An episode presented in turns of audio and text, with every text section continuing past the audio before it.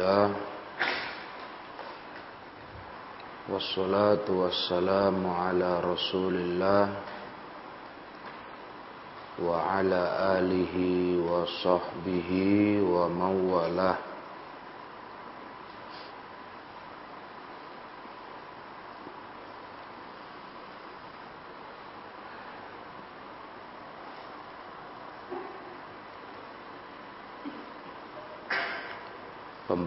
Pembahasan tentang azabul qabri.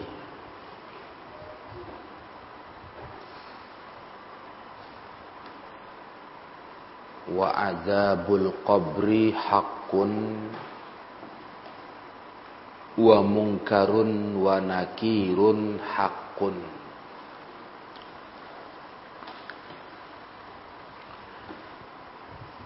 Kita sudah baca itu.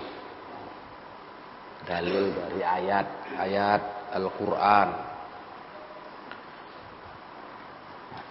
Bahwasanya azab kubur itu benar.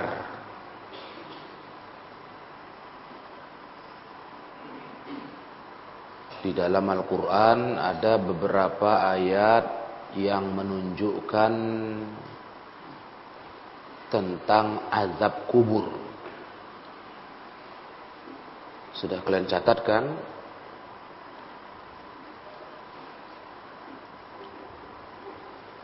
Dalam surat Ghafir ayat 46.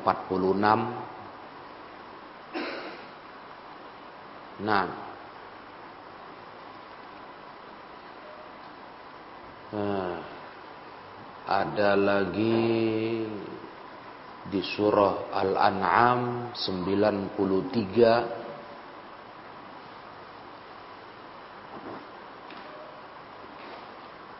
Ada juga di surah Al-Anfal ayat 50. Itu di antaranya dalil dari Al-Quran bahwa azab kubur itu ada.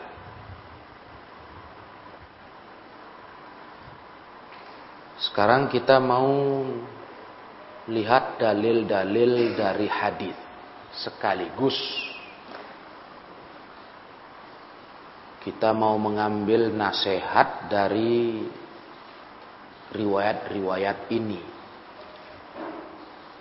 agar jangan jatuh kepada dosa-dosa yang menyebabkan seseorang diazab dalam kuburnya.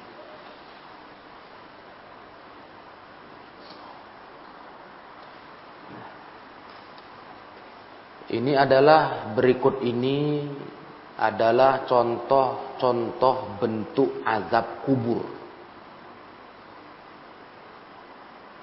Ya, contoh-contoh dari bentuk azab kubur. Bagaimana bentuk azab kubur contohnya? Satu, dipukul dengan martil dari besi. Ad-darbu bimitrokotin min hadid. Dipukul dengan martil dari besi.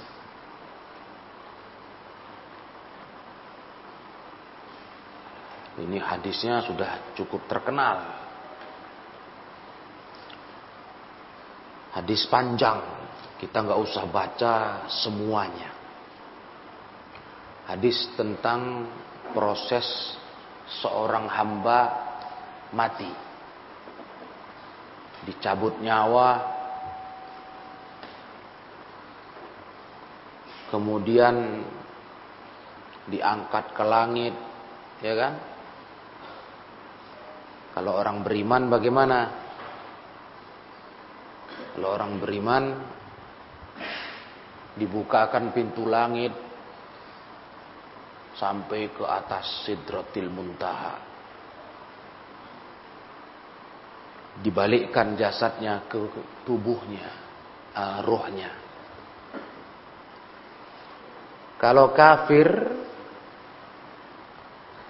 diangkat ke langit ternyata pintu langit pertama sudah ditolak. Roh rohnya itu muntanna, busuk. Malaikat tidak mau terima. Tak boleh lewat langit pertama. Begitu. Itu hadis yang panjang. Nah, rohnya orang kafir diletakkan dibalikkan ke tubuhnya untuk ditanya yang kita kenal dengan tiga pertanyaan.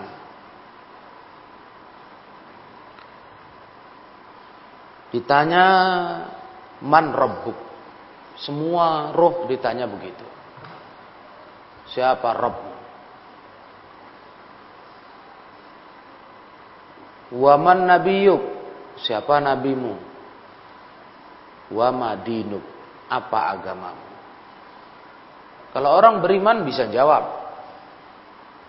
Rabbi Allah wa Nabi Muhammad wa dinil Islam. Orang beriman. Kalau orang kafir apa jawabnya? Fayaqul ha ha. Ingat kalian itu? Orang kafir hanya menjawab ha ha. Tak tahu. Loh, masa nggak pandai jawabnya? Gampang kan kalau sekarang orang kafir mana pun coba kalian tanya, siapa Tuhan kau? Bisa jawab dia. Kenapa dikubur dia nggak bisa? Karena untuk bisa menjawab itu butuh kekuatan dari Allah. Ya, bukan mau kita bisa jawab terus bisa, nggak gitu. Tapi butuh kekuatan dari Allah. Nah, orang kafir tidak diberi Allah kemudahan. Jadi dia hanya bisa bisa bisa jawab ha ha.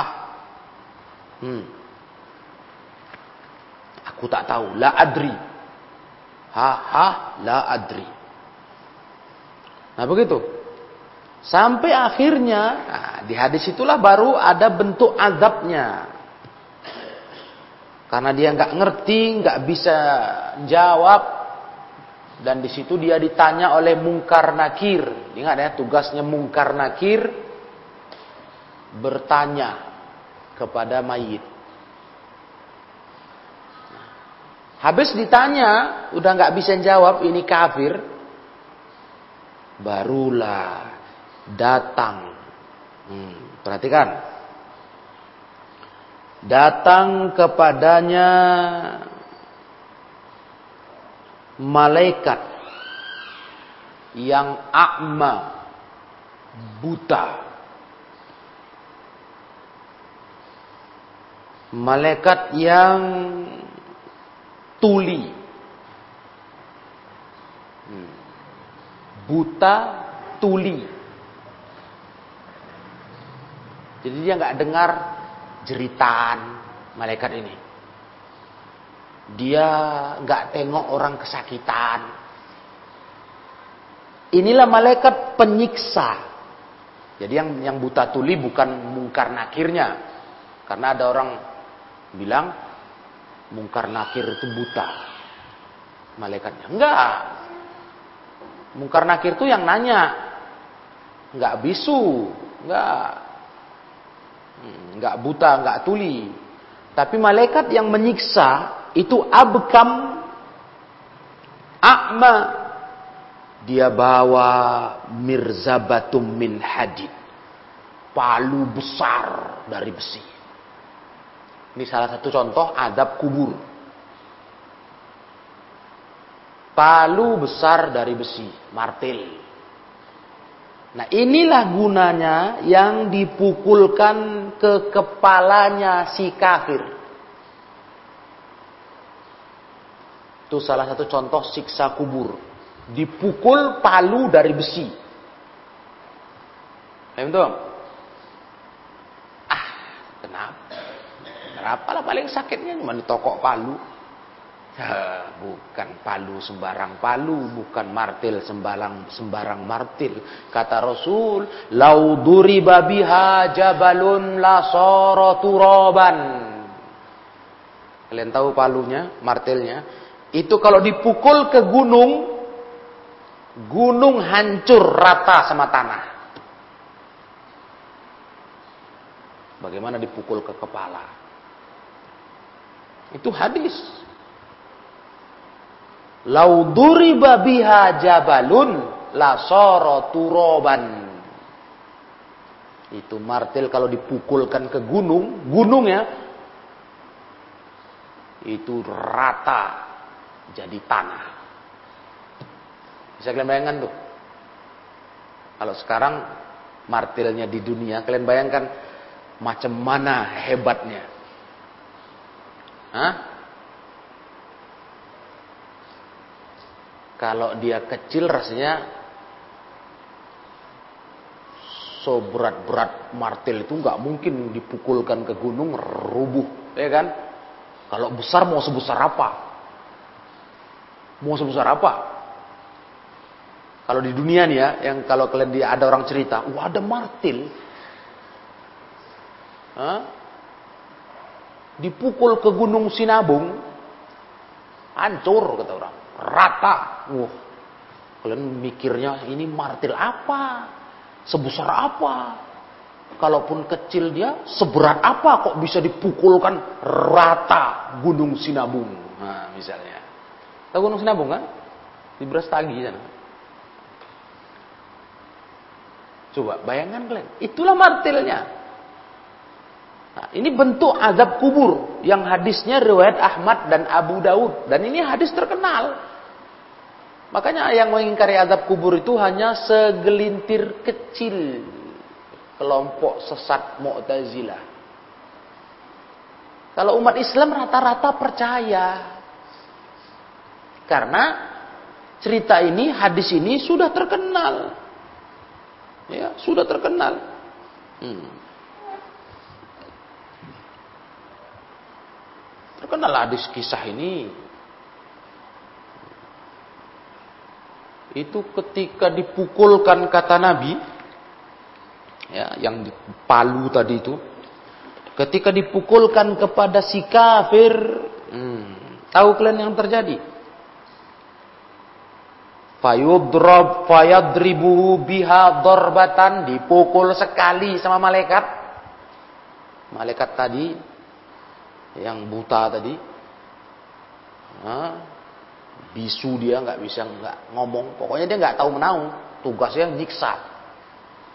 Itu yas yasma'uha ma bainal masyriqi wal maghrib illa thaqalain. Menjerit. Yang suaranya suaranya mayit si kafir itu bisa didengar. Ya. Didengar oleh seluruh makhluk di antara timur dan barat.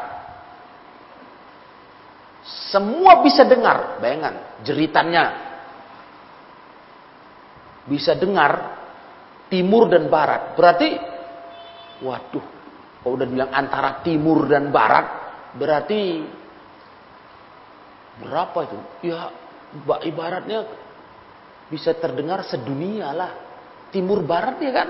Antaranya kan nah, dunia ini kan timur barat, utara selatan ya kan?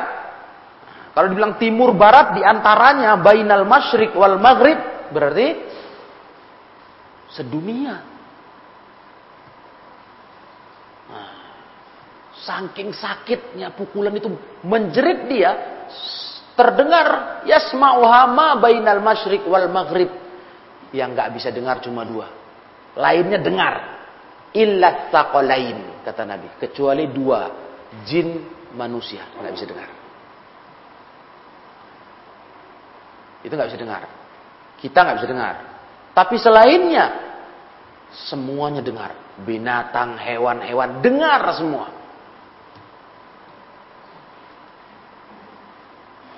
Kalian bisa bayangkan itu. Jeritan yang luar biasa, sekeras itu, karena kepalanya dipukul martil yang bisa kalau dipukul ke gunung, rubuh gunung dibuatnya. Itu satu contoh siksanya. Hmm. Nauzubillah min dzalik. Udah paham? Jadi azab kubur ada? Ada. Dan orang kafir itu akan merasakannya. Ini satu bentuk siksanya. Kemudian yang kedua. Hadis tadi sahih ya. Syekh Albani mensohihkannya. Bahkan di kitab Ahkamul Janais karya Syekh Albani hadis itu ada.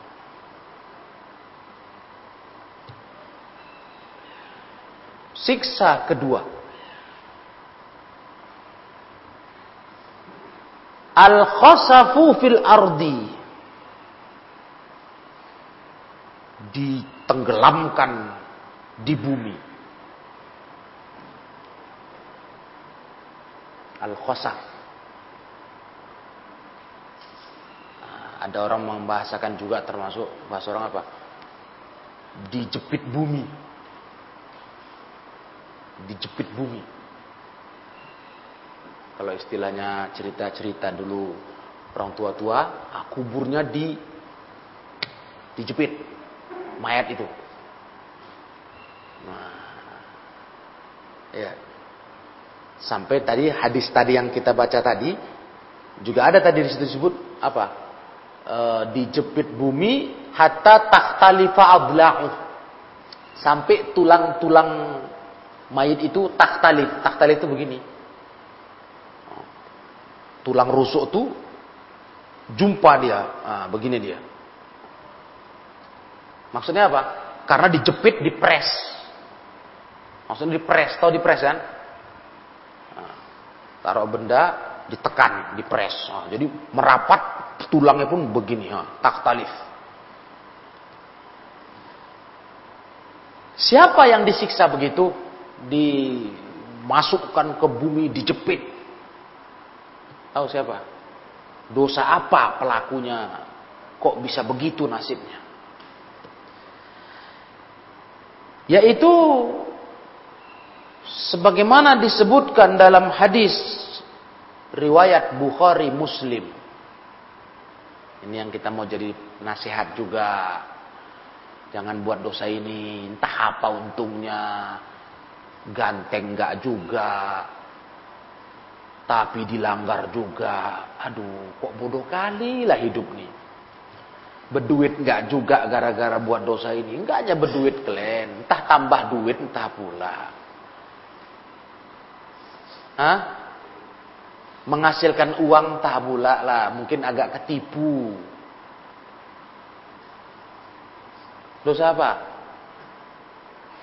Isbalul izar. Menjulurkan pakaian di bawah mata kaki. Musbil Jangan kalian. Jangan coba-coba ini. Untung nggak juga. Coba kalian kasih tahu malim, biar malim dapat ilmu. Apa untungnya kau isbal?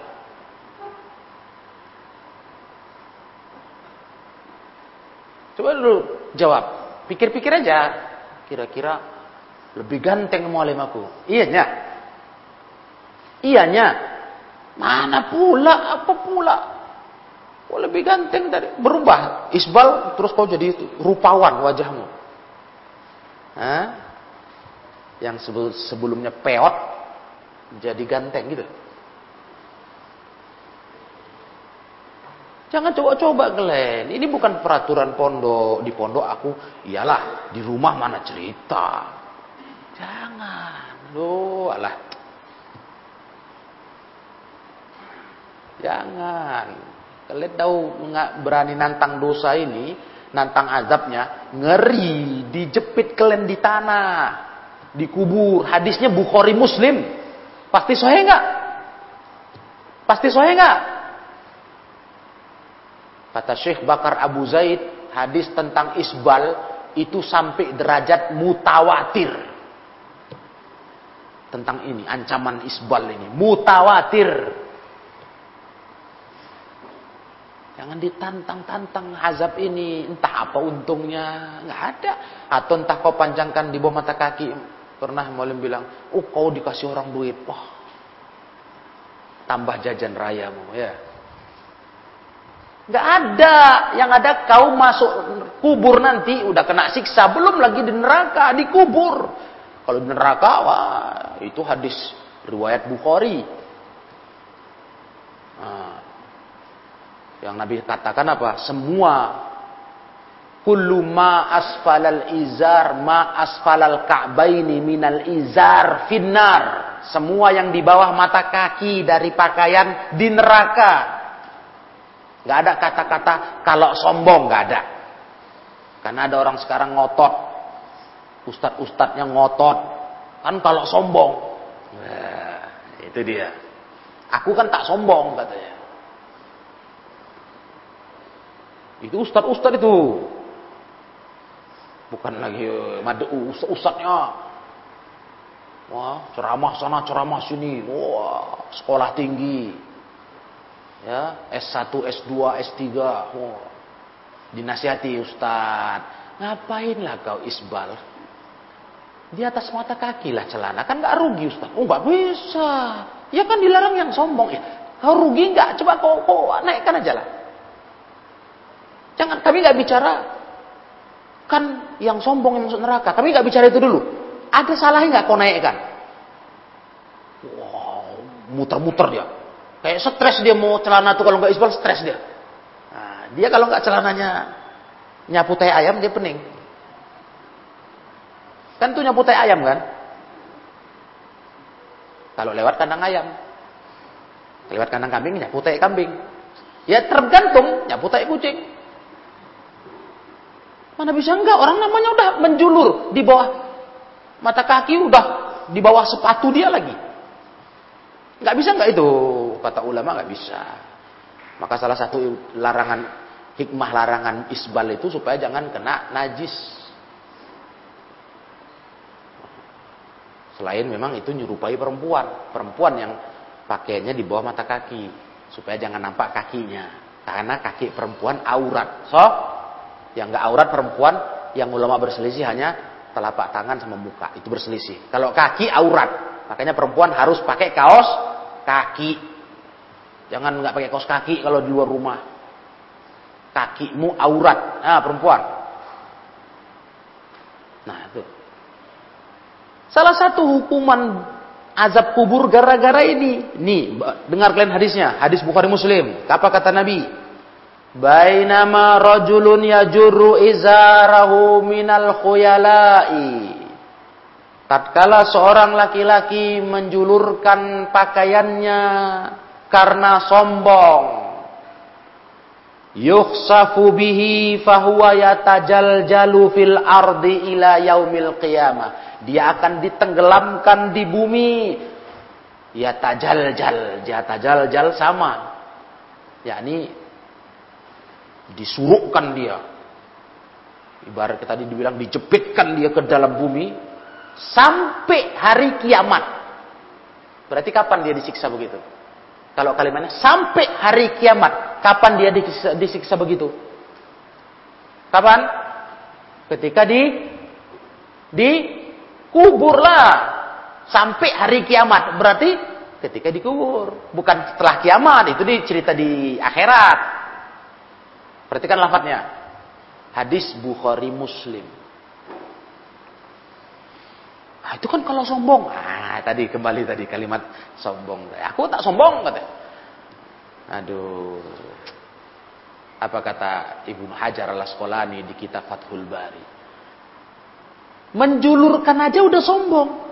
Bukan mesti pakai niat sombong. Menjulurkan aja udah sombong itu, kata Ibnu Hajar sekolahnya. Sama kayak nasi. Boleh tanya? Ketika nasi kalian hidangkan di talam, apakah ketika itu nasi akan menjadi namanya satu sebuah makanan ketika dihidang di talam? Apakah saat itulah nasi menjadi makanan? Ya enggak? Kalian ngidang, taruh talam. Ah, barulah di talam itu kalian katakan inilah makanan. Betul? Berarti kalau nggak dihidang di talam, nasi bukan makanan. Kok nganggu aja? Ah, Ustaz. Jadi ketika di talam jadi makanan. Iya. Iya enggak? Iya. Oh iya. Salah nanya ngolim. Karena dia udah mikir nasi aja. Apakah nasi ketika dihidang di talam dia jadi makanan? Hanya kalau ditaruh ke talam? Itu pertanyaannya. Hah, Ferdi? Iya. Enggak. Jadi waktu dibakul datang udah makanan. Udah. Nasi. Ya udahlah. Bukan kalau ditalam aja, di udah masak udah makanan lah sudah apanya kalian. Bukan kalau ditaruh di talam jadi makanan, enggak begitu. Nah, begitulah isbal. Isbal itu sendiri udah namanya isbal aja di bawah mata kaki udah sombong. Enggak mesti pakai niat sombong, enggak mesti. Itu kata Ibnu Hajar, bukan kata kita. Bukan kita yang pandai-pandaian. Ibnu Hajar penulis kitab Fathul Bari. Yang nulis kitab Bulughul Maram, ya kan? Apa Ibnu Hajar aja itu sendiri mungkin? Enggak, Ibnu Hajar juga menukil dari Ibnul Arabi. Ibnul Arabi. Di situ juga di kitab Bulughul Maram uh, Fathul Bari.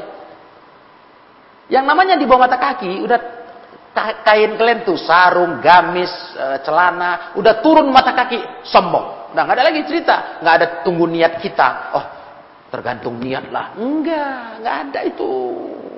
Inilah kadang-kadang. Jadi, hei para musbil, orang musbil. Kau turunkan saja di bawah mata kakimu pakaianmu, itu udah sombong. Walaupun kau bilang aku nggak sombong, itu sombong. Maka Nabi SAW pernah bilang kepada Umar ibnu Umar, Umar ibn Khattab,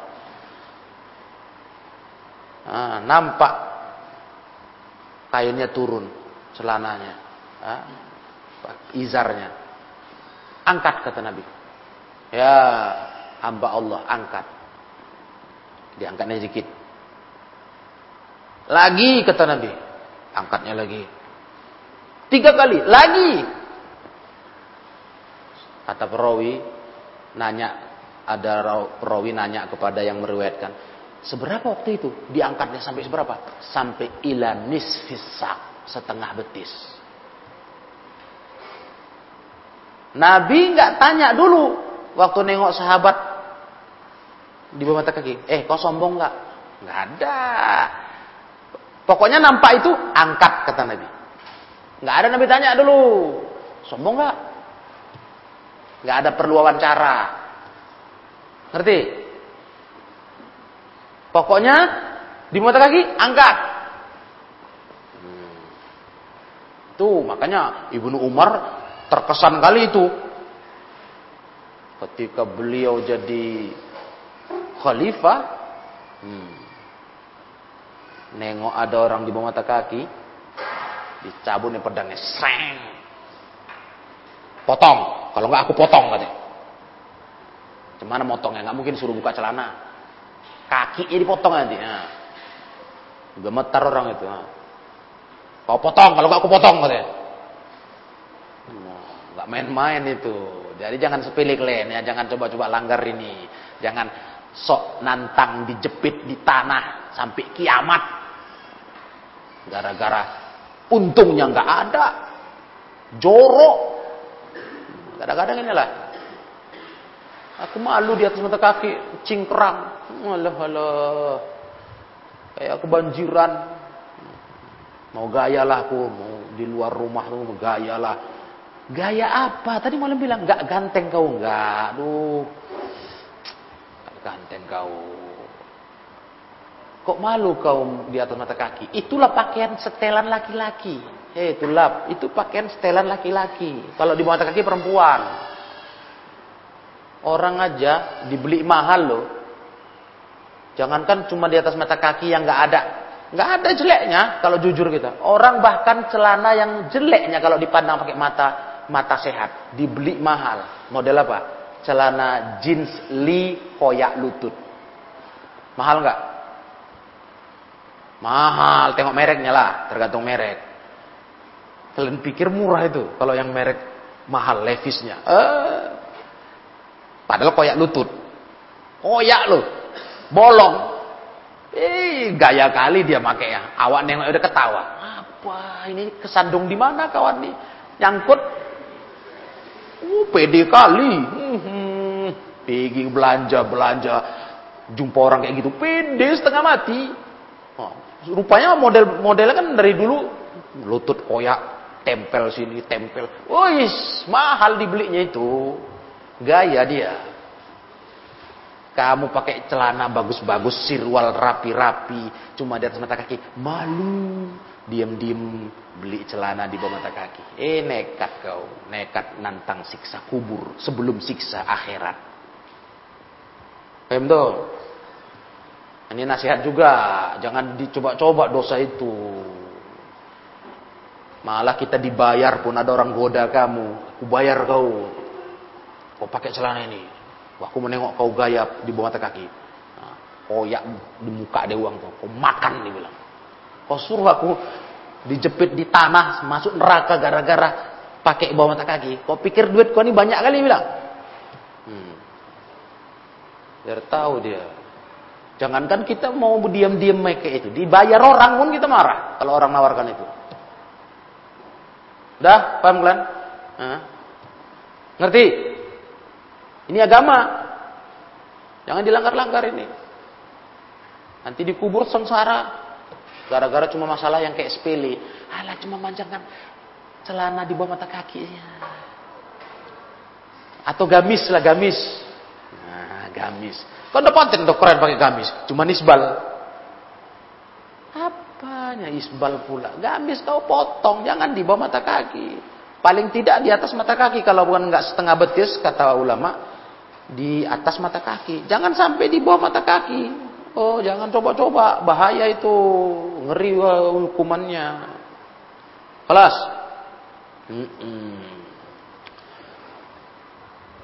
Kemudian, contoh siksa yang ketiga.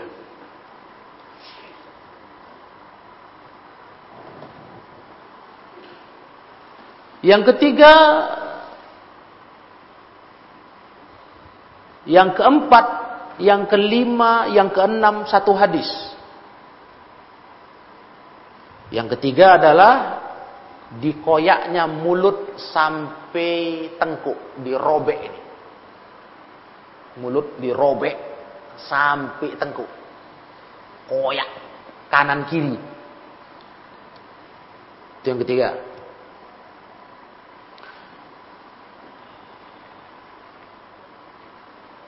Yang keempat, kepala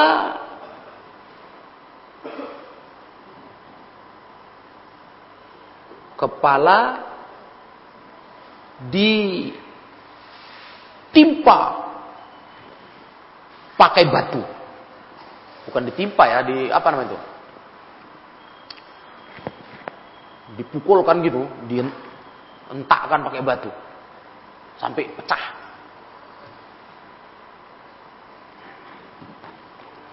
Yang kelima dibakar atau bukan dibakar apa? Hah? Ya dibakar, cuman ini masalah pakai tungku. Kalau dibakar kan nanti bahasanya kesan kalian orangnya dibakar gitu. Enggak, ini dimasukkan ke tungku, Hah? dimarakkan, dihidupkan api. Dia di tungkunya, di kuali, apa kayak uh, periuk. Nah, dia di dalam itu, nah, di bawahnya dibakar kayak masak, orang masak. Dan yang keenam, berenang di sungai darah. Sambil dilempari pakai batu.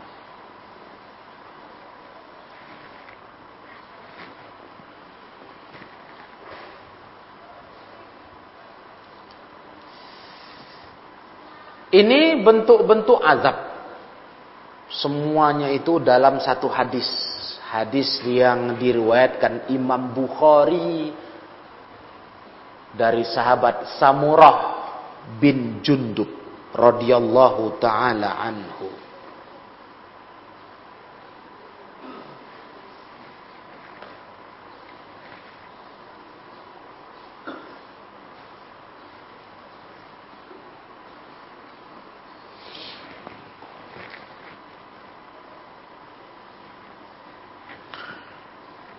Hadisnya panjang. Jadi mau meringkaskan nama kalian. Kenapa kok disiksa dengan poin-poin itu? Siksa-siksa itu orang-orang tadi di kuburannya.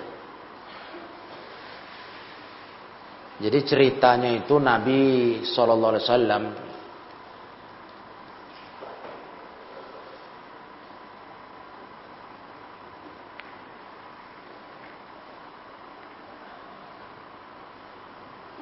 Nabi pernah bermimpi. Nabi ditunjukkan dibawa malaikat.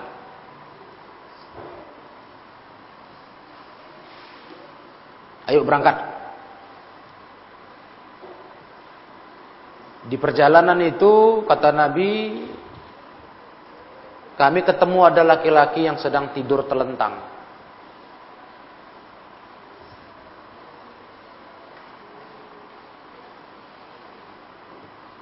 Di sebelahnya ada orang itu megang batu besar.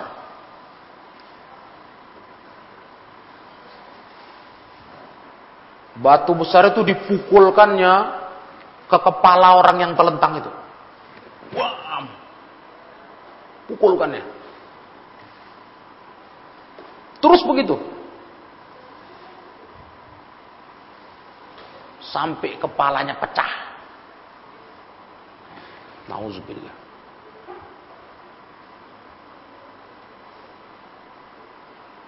Tiap dipukul, puat, batunya gelunding. Ini pecah nih. Orang yang mukulkan ini jalan ngambil batu itu. Kepala yang pecah ini balik lagi, sembuh lagi. Dibawanya lagi batu itu. Dihantamkannya lagi. Gelunding lagi. Dijeputnya lagi pecah lagi, sembuh lagi. Masya Allah. Terus begitu. Bayangan kalian tuh. Siksanya. Cemana rasa kepala pecah. Kalau di dunia pecah mati ya bes. Mana lagi terasa sakit. Di, di alam kubur gak ada cerita. Balik lagi. Bagus lagi. Dipukul lagi. Begitu terus. Sampai Nabi SAW berkata, Subhanallah, Maha Suci Allah. Apa ini kata Nabi? Kok kayak gini? Mahadan. Apa ini dua orang ini ngapain kok main pukul gini sampai pecah kepala, remuk. Kata malaikat, alah sudah ayo, intolik. Ayo berangkat lagi, jalan lagi. Enggak diterangkan kenapa itu orang. Ayo jalan. Nah, ketika kami jalan lagi, kami ketemu lagi ada laki-laki yang sedang telungkup. Nah, telentang, telentang dulu dia dengan ini apa? Uh, kofah tengkuknya agak begini, nah, dongak gitu. Ya. Orang yang satunya sebelahnya itu memegang kalub yang kita pernah bicara sirat, ya kan? yang nyantol orang itu ya. Ah, kayak gancu dari besi. Kalub min hadid.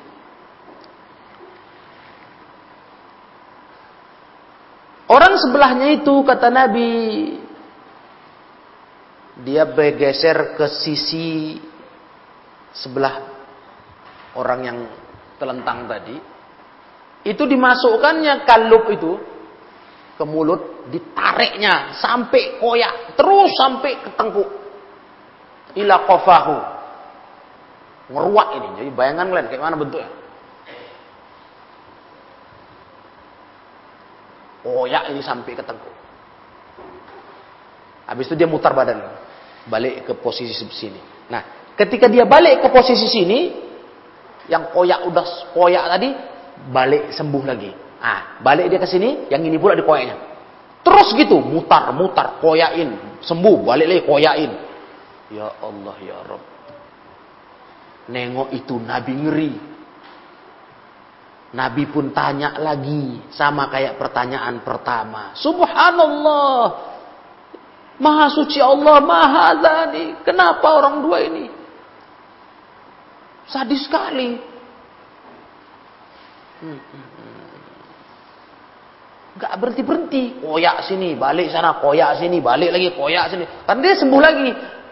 Jadi sakitnya baru terus. Kalau di dunia ada penyiksaan begitu, sakitnya pertama, oh sakit kali, habis itu mati, selesai, sakitnya hilang ya kan? Kelas, paham tuh? Nah, tuh. Apa kata malaikat Intolik, udah ayo jalan lagi, nggak usah dipikir dulu nanti, jalan lagi, jalan lagi Nabi dengan malaikat itu. Kemudian kami ketemu ada satu periuk besar, tanur. Tanur itu kayak tadi kita katakan, periuk besar, kayak guci begitu ya. Di dalam periuk itu kok ada suara. Laqatun wa aswat kata Nabi. Ada suara. Suara ini suara jeritan. Melolong-lolong istilah orang. Melolong-lolong. Kesakitan. Ternyata ketika kami tengok isinya, rupanya isinya perempuan sama laki-laki. Telanjang di dalam periuk besar itu. Rijalun wanisaun uratan telanjang. Iya. Di bawahnya api. Nah tiap kali api itu dihidupkan jerit mereka. Warna panas sekali lah namanya di direbus kayak kita ngerebus itu ya kan? Nah. udah menjerit-jerit uh, dipadamkan lagi. Setelah itu dihidupkan lagi. Gitu terus. Wah ya Allah. Di masa hidup-hidup lah kalau kita sekarang ya. Macam mana di masa hidup-hidup? Nah, Nabi pun bertanya lagi Masya Allah kata Rasulullah SAW apa ini? Kok ngeri kali? Maha ula kenapa mereka bisa kayak gitu nasibnya? Kata malaikat ya sudah intolik intolik jalan lagi yuk yuk nggak dikasih tahu kenapa orang itu ayo jalan lagi Nah, kemudian kami ketemu sampai ke satu sungai merah. Merah karena darah. Airnya darah, sungai, nahar, sungai. Sungai ini ahmar mitludam. Warnanya merah kayak darah, ya bukan darah. Airnya bukan, tapi udah kayak darah.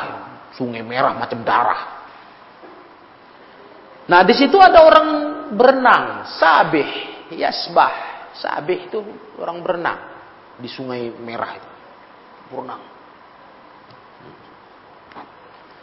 Sedangkan di pinggir sungai dia berenang ke sana, di pinggir sana itu di pinggir-pinggirnya lah itu ada orang nungguin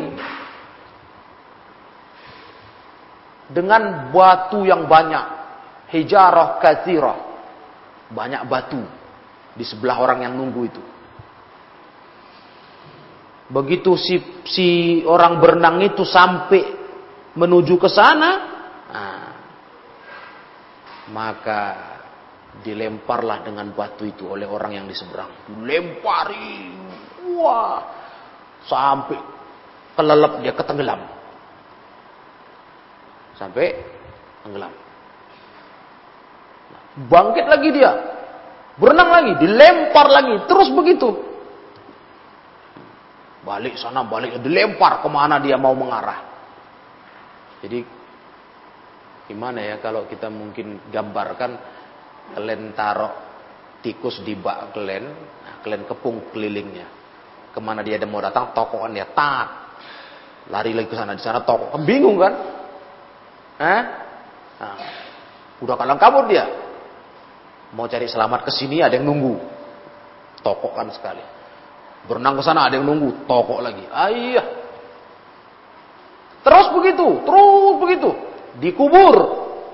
Dikubur. Makanya cerita azab kubur itu cerita gaib. Jangan pula nanti di mana sungainya di kuburan itu. Kecuali dikubur dekat sungai gitu ya. Jangan kau pikir itu bukan alam alam nyata, bukan alam yang zahir, tapi gaib nggak bisa masuk pikiranmu. Ngerti kan? Nah, jangankan di mana sungainya kalau cerita sungainya, mana periuknya. Hah? Sedangkan dikubur itu muatnya satu orang itu. Macam mana kok tadi ada dua orang mukul kepala? Jangan dipikir ke situ, itu cerita gaib. Kita hanya tengok riwayatnya. Uh, riwayat Bukhari ini. Bukhari. Hadis sahih. Nah, Tahu kalian kenapa orang-orang tadi disiksa dengan jenis-jenis itu? Ah, baru diterangkan oleh malaikat. Rasulullah menjelaskan. Kata Rasulullah Sallallahu Alaihi Wasallam, orang pertama yang dipukul kepalanya pakai batu sampai pecah, ya, sampai pecah. Itu adalah orang yang semasa hidupnya belajar Quran, tapi kemudian dicampakkannya Quran itu belajar Quran tapi kemudian yarfuduhu ditinggalkannya hmm.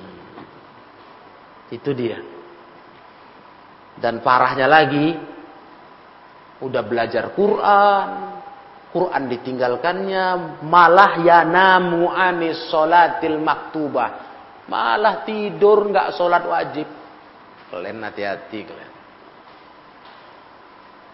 Hati-hati tulabal ilm. Kalian ini sekarang pelajar Quran. Awas kalian tamat. Berhenti mondok. Atau tamat sendiri. Belum tamat udah berhenti. Kalian tinggalkan ilmu ini. Dan sampai-sampai kalian lalai sholat. Jangan. Di sininya kalian bisa terjaga sholat. Karena pondok ada aturan, ada yang ingatkan, bangunkan. Di rumah belum tentu.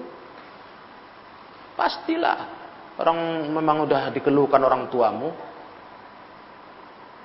Tiap tahun yang mulai mendapatkan, tiap tahun wali mesti minta solusi. Kok payah anak disuruh sholat udah mondok di rumah. Baru mulai menasihatkan mau pulang raya. Eh kejadian lagi, ada wali tolonglah Ustaz. Aduh. Itulah kalau ilmu belum masuk hati, belum sadar. Belum sadar. Hukuman perbuatan itu, orang belajar Quran, terakhir ditinggalkannya Quran, sholat pun dia tidur, nggak sholat, abai-abai aja. Itu nanti dikubur, kepalanya dipecahkan pakai batu. Memang Glenn. Paham tuh? kata Nabi Wasallam nasib mereka. Jadi jangan main-main, sholat jaga nomor satu. Mau kayak mana pun kalian kesibukannya, jangan sholat jangan pernah tinggal. Ilmu jangan dibuang. Jangan, nanti sengsara kalian. Di kuburan disiksa. Nah, Kemudian orang yang dikoyak tadi bibirnya, mulutnya sampai tengkuknya. Hmm. Dikoyak itu. Dosa apa itu? Ternyata yakdzibul kadzbata. Dia si tukang bohong. Ya blughul afa. Bohongnya sampai ke mana-mana. Ya blughul afa. Pendusta ini orang rupanya. Ya Allah. Mulutnya dikoyak sampai ke pipi. Astaga, sampai tengkuk. Uh, rupanya pendusta ini, orang yang nauzubillah. Mulutnya kok dusta bohong. Hmm. Zaman kalian sekarang ini, zaman sekarang. Masya Allah. Dusta malah bisa datangkan duit. Ya kan? Nggak tahu kalian kan? Zaman internet ini dusta menghasilkan duit. Ya. Buat cerita bohong, fitnah, cerita hoax, duit. Bah, jangan salah kalian zaman sekarang. Nggak tahu dia akibatnya. Hah? Mulut kau nanti dikoyak itu pakai gancu hmm, sampai tengkuk kau berulang-ulang kanan kiri kanan kiri kanan kiri di kuburan itu. Jangan main-main. Sekarang gitu zaman kita, hoax, eh dapat duit. Nauzubillah min dzalik. Kemudian adapun orang di periuk tadi menjerit-jerit laki-laki perempuan telanjang tiap dihidupkan apinya wah mau jerit-jerit. Ya panas lah dimasak hidup-hidup. Itu rupanya fa innahumuz zunah wazawani tukang zina. Itulah laki-laki perempuan tukang zina. Dimasak direbus hidup-hidup di alam barzah. Ini bukan cerita alam akhirat, ini belum. Ini ceritanya bukan alam akhirat. Kenapa kita bilang ini bukan? Mungkin ada yang bilang ah, itu mungkin siksa neraka. Enggak. Kalau dibaca hadisnya, apa kata Nabi? Yusna'u bihi ila yaumil qiyamah. Dibuat begitu kepada orang itu sampai hari kiamat. Berarti apa? Coba Berarti apa? Kalau kalimatnya dibuat begitu sampai hari kiamat. Berarti apa? Kejadian siksa itu bukan setelah kiamat, ya kan? Nah, sebelum kiamat berarti alam apa? Barzah. Di dunia nggak ada. Ya alam barzah lah, kubur. Jadi jangan ada orang ngomong, itu siksa neraka itu ditengok Nabi itu mimpinya. Bukan. Baca riwayatnya. Dibuat seperti itu siksa sampai kiamat. Berarti belum kiamat lah. Hmm. Iya. Berarti belum kiamat. Paham semua? Jadi siksa yang kita cerita ini sebelum kiamat. Berarti kapan? Di alam barzah, alam kubur. Itulah para pezina. Makanya zina ini, na'udzubillah dosa besar. Itu maka Islam melarang mendekati zina.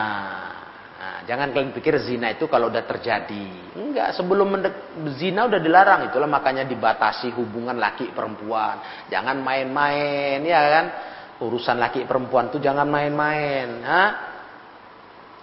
Nah, itu pintu zina, maka jangan dekati. Main-main kalian. Zina itu ada tahapnya. Entah dilanggar tangga nasihat waktu pulang kemarin tuh. Jangan main-main sama HP. Tegur sana, tegur sini. Mungkin oh, nggak apa-apa mulai belum nggak ada kami nggak ada. Cuma main di dunia maya. Iya sekarang. Kau pikir setan tuh terus berhenti ah? Enggak lah, kau masih hidup. Hah? Nanti cerita lama, kau ada hubungan sekarang, tegur sapa. Ah, habis tamat, wow, diangkat lagi sama setan. Ah, ini udah bebas ini, nggak ada halangan. Baru nanti ujungnya kau jatuh ke zina, inilah nanti kau tanggungkan. Kan yang kita ketat kali di Islam ini urusan laki perempuan ini urusan yang sangat tegas. Tidak boleh ada hubungan kecuali halal. Hah, halal. Makanya mulai kalau nengok anak-anak nakal nih, tarik kepala, kau mau kawin? Dia bilang sama bapakmu. Ya kan? Hah? Mau kawin kalau gitu? Bisa, kenapa enggak? Ya. Udah, mau kawin kok umur 13 tahun. Kok sama perempuan kok ada-ada aja. Yang akhwatnya lagi nih. Udah mau kawin lagi sudah. Oke, bisa perempuan lagi lebih bisa. Iya kan? Apa? Kalau halal baru boleh sama perempuan, kalau nggak halal jangan. Ada masanya. Ya, namanya laki-laki, namanya perempuan, suka sama lawan jenis. Ada masanya. Tunggu nanti usiamu. Ada. Nah, langsung kau cari istri, kau cari suami, selesai. Jangan main-main masalah ini. Nanti kau jatuh ke zina. Kau dimasak kok digodok, digodok, godok kata orang Jawa, ya, direbus tanpa air. Ditungku itu kau dimasak dengan api. Nauzubillah. Nauzubillah min dzalik. Nah, baru yang terakhir. Adapun orang berenang tadi, ya kan terakhir itu kan? Berenang di sungai yang kayak darah tadi, dilempar batu, Rupanya itu dosa akibat dosa. Akilur riba. Makan riba. Tukang makan riba. Nah, itulah. Banyak kali orang sekarang na'udzubillah main riba ya utang bank. Untuk usaha utang bank. Ya kan? Udah biasa itu. Biasa itu. Ah, utang sama negara luar main riba, bunganya sekian persen. Bukan masalah bisa dibayar atau tidak. Makan riba. Itu dosa besar. Siksanya dilempari batu. Berenang di sungai kayak darah. Ditimpuk batu kata orang Jawa. Ditimpuk, dilempari batu. Pum. Tenggelam, naik lagi. Oh, megap, lari ke sana, dilempar, lempar. Pemakan riba. Dan dosa riba itu aja pun itu kayak menzinai ibu kandung sendiri. Ya kan? Menjijikkan itu. Kayak kalian jangan coba-coba main riba, pinjam duit pakai riba, kerentenir, lintah darat. Hah? Pinjam 100 ribu, baliknya 110. Riba kan? Hah? Pinjam sejuta, balik sejuta seratus. Sejuta seratus, dua ratus. Riba, jangan coba-coba main riba. Haram. Nah, itu di antara contoh. Nanti kalian makin baca, makin riwayat-riwayat kalian dapati, makin banyak contoh. Ada, ya ini masih ada lagi, cuma boleh cukupkan aja ini. Contoh-contoh azab kubur dalam riwayat yang sahih supaya kalian yakin. Intinya kan kalian yakin dulu azab kubur itu ada. Jadi kalau orang tanya apa contohnya, ada kuburan di penyiksaan. Nah, kalian ceritakan tadi itu. Ada begini, begini, begini, begini. Nah, itu bentuk-bentuk azab kubur. Nah, jadi sudah sampai di sini pelajaran kita. Selesai sudah masalah azab kubur. Pertanyaan mungkar nakir. Nah, sudah. Habis semuanya. Alhamdulillah. Nah, jadi kita bisa lanjutkan nanti yang akan datang kepada poin berikutnya. Ilahuna subhanakallahumma wa bihamdik asyhadu an la ilaha illa anta astaghfiruka wa atubu ilaik walhamdulillahi rabbil alamin.